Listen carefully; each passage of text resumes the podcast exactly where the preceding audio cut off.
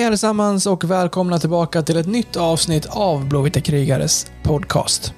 Som ni har läst på titeln ska ni få lyssna till ett avsnitt med den rutinerade backen Eddie Larsson, som i talande stund är den senaste spelaren som skrivit på för Leksands A-lag. Det blir ett samtal om uppväxten och hockeyn i Mariestad, om alla åren i SHL som han hunnit med under karriären och förra säsongens äventyr i Finland.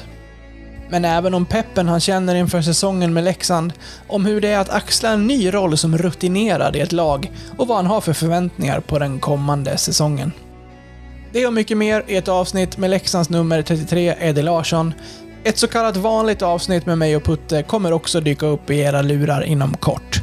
Trevlig lyssning allesammans, ha det så bra så hörs vi snart igen.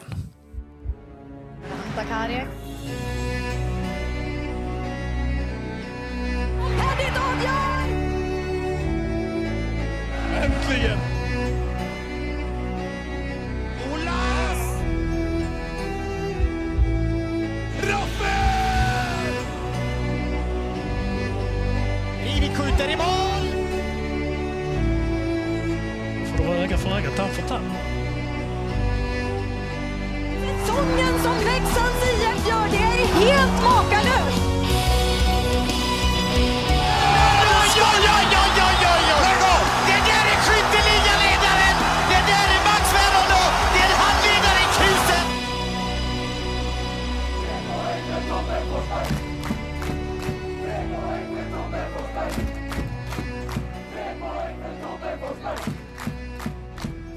Eddie Larsson, välkommen till podcasten. Ja, tack så mycket. Det är kul att vara med. Efter lite tekniskt strul och eh, att vi har, eh, vad säger man, brukar, man brukar säga att man ringer om varandra. Vi har väl eh, semestrat lite om varandra innan vi har kommit fram till den här tiden. Ja, men exakt precis. Det blir lite så i semestertider och sådär. Men nu till slut så funkar det, så det var bra. Vad bra. Men det är jätteroligt att du vill vara med. Vi har ju som en ambition att prata med alla nya spelare under sommaren. Eh, och du är ju senast in. Eh, hur, är, hur är läget en torsdag i, i juli så här? Nej, men det är bra. Jag ska inte klaga. Man får sitta lite i, i hemstaden Mariestad och för en gångs skull så, så skiner solen också den här sommaren. Så det, det är skönt det också. Så att, eh, det finns ingenting att klaga på. Har du, eh, har du varit med i några poddar tidigare? Eh, ja, men det har väl blivit några stycken i alla fall tror jag. Det, det har väl varit någon i, i tidigare klubbar så också. Men det här är väl kanske det största, om jag får gissa på i alla fall. Som jag har varit med i tror jag. Eller? Ja, det, vi säger att det är så. exakt, precis. Ja. Hur, hur trivs du med själva mediet?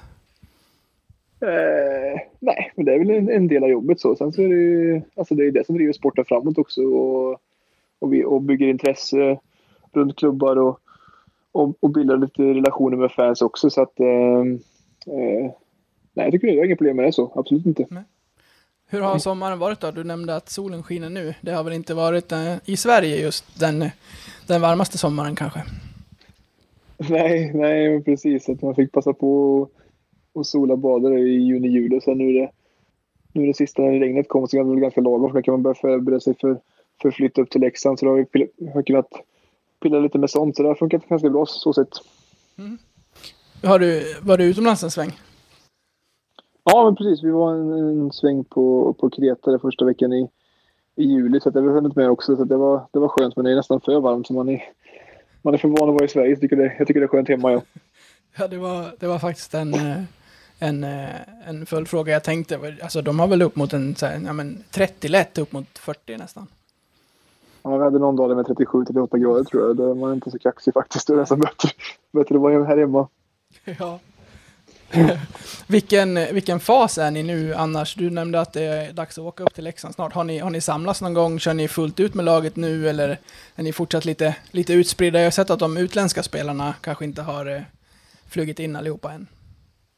Nej, precis. Jag var ju ganska sent, sent signad också. Så jag hann upp en sväng i, precis innan midsommar. Där. Sen så, så har det varit full träning på, på egen hand från det fram tills eh, ja, blir det onsdag nästa vecka. Då är det dags att, att resa upp till Leksand igen.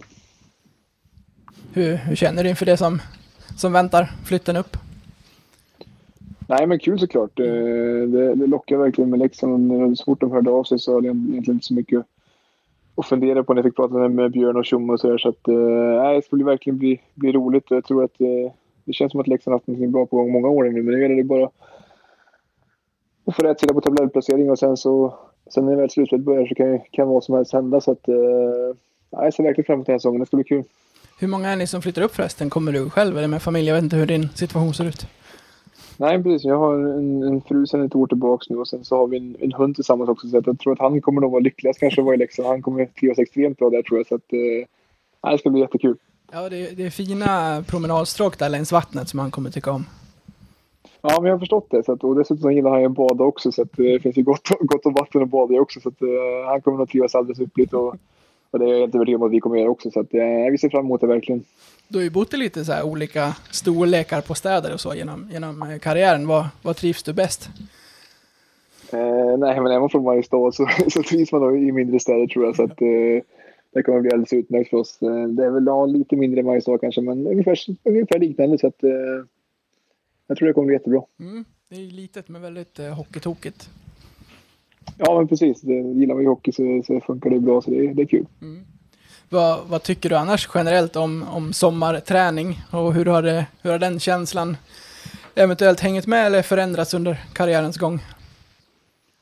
Uh, nej, det är klart, om man gick hockeygymnasium och så, där, så kanske, kanske det inte var det roligaste, men uh, för varje år som går nu så tycker jag att det blir roligare och roligare. Man inser också att det blir viktigare och viktigare att, att ta hand om kroppen när man, när man i alla fall har kommit över 30. Så att, uh, nej, nu tycker jag att det, att det är rätt så kul faktiskt och en, en viktig del i uppbyggnaden inför, inför att spela bra hockey under vintern också. Så att det, det går alldeles utmärkt faktiskt. Hur, hur är det med, med hockeysuget?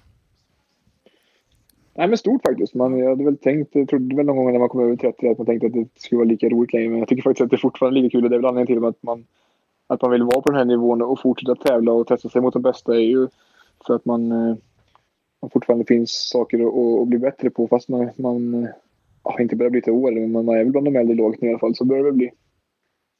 Vad, vad kommer vara viktigt för dig för att liksom fortsätta? Är det just det där att man känner att man, ja men, jag vet inte hur jag ska formulera, formulera frågan riktigt, men att man liksom, vad, vad, är det som, vad är det som saknas eventuellt den dagen man känner att det, att det räcker? Tror du om du får spekulera? Nej, men framförallt är det det drivet, mm. att, uh, som, som jag kände nu när man åkte till du tog ett äventyr till Finland förra året så, så inser man ju att, uh, att SHL är en helt annan, ett helt annat driv och en annan, alltså det här är ju verkligen att tävla med de bästa, de bästa spelarna och lagen i Europa och det är väl det som man vill spela på den högsta nivån som man kan för att, för att verkligen få testa sig och det är väl det man drivs av på något sätt. Så, att, uh, så länge man kan vara kvar på den nivån så, så kommer man att fortsätta och, och vilja spela tror jag, så är det. Mm. Drillas man av att det kommer yngre underifrån som vill som vill eh, sätta dit en så att säga. Ja men så är det absolut.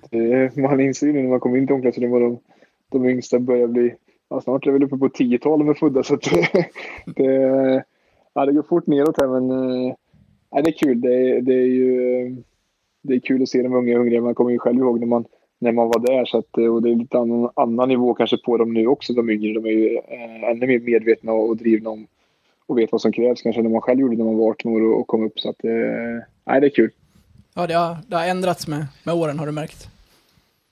Ja, men det skulle jag säga. Det är ju en annan, en annan typ av, av jargong och eh, de är mer medvetna om Ja, det är väl mycket sociala medier och sådana grejer också som, som de ser vad som krävs för att vara på den här nivån och de är mycket mer redo än vad man själv var när man kom upp på den här nivån. Så att, eh, ja, det är absolut skillnad. Mm.